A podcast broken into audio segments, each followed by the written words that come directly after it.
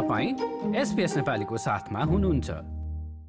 विपक्षी नेता Anthony अल्बानेजीले budget जवाफका क्रममा वृद्ध हेरचाहको क्षेत्रमा अरबौं डलरको कोष स्थापना गर्ने घोषणा गरेका हुन्। संघीय सरकारले नयाँ आर्थिक वर्षका लागि बजेट घोषणा गरेको दुई दिनपछि विपक्षी दलको बजेट प्रतिको जवाफ बाहिर आएको हो। नेता अल्बानेजीले वृद्ध हेरचाहको क्षेत्र सङ्कटमा रहेको पनि बताएका छन्।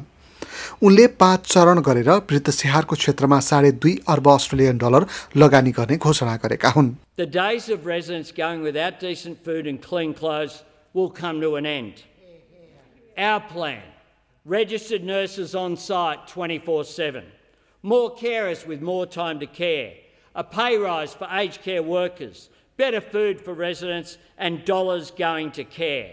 That's how a Labor government will solve the crisis in aged care. उनले सुलभ दरमा बाल हेरचाह र मौसम परिवर्तनलाई कम गर्न नवीकरणीय ऊर्जामा लगानी र चुनावमा जित हासिल गरे कामदारहरूको ज्याला वृद्धिको पनि बाचा गरेका छन् My fellow Australians, working together, we can build a better future. An economy with stronger wages and more secure work.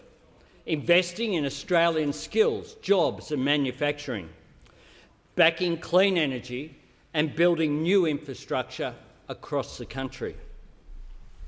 Taking pressure off the cost of living by making childcare and power bills cheaper.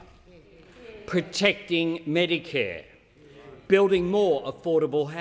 उनले प्रशिक्षणका लागि थप अवसरहरू प्रदान गर्ने सडक rail बन्दरगाह उच्च गतिको इन्टरनेट लगायतका पूर्वाधारहरूका लागि ठूलो बजेट निर्धारण गर्ने लगायतका बाचाहरू पनि गरेका छन्। सरकारले दैनिक गुजाराको समस्यालाई समाधान गर्न भन्दै नगद भुक्तानी गर्ने भन्ने घोषणाको पनि विपक्षी नेताले आलोचना गरे। अल्बानेजीले लेबरको नीति र दृष्टिकोणलाई समर्थन गर्न पनि मतदाताहरूसँग आग्रह गरेका छन्।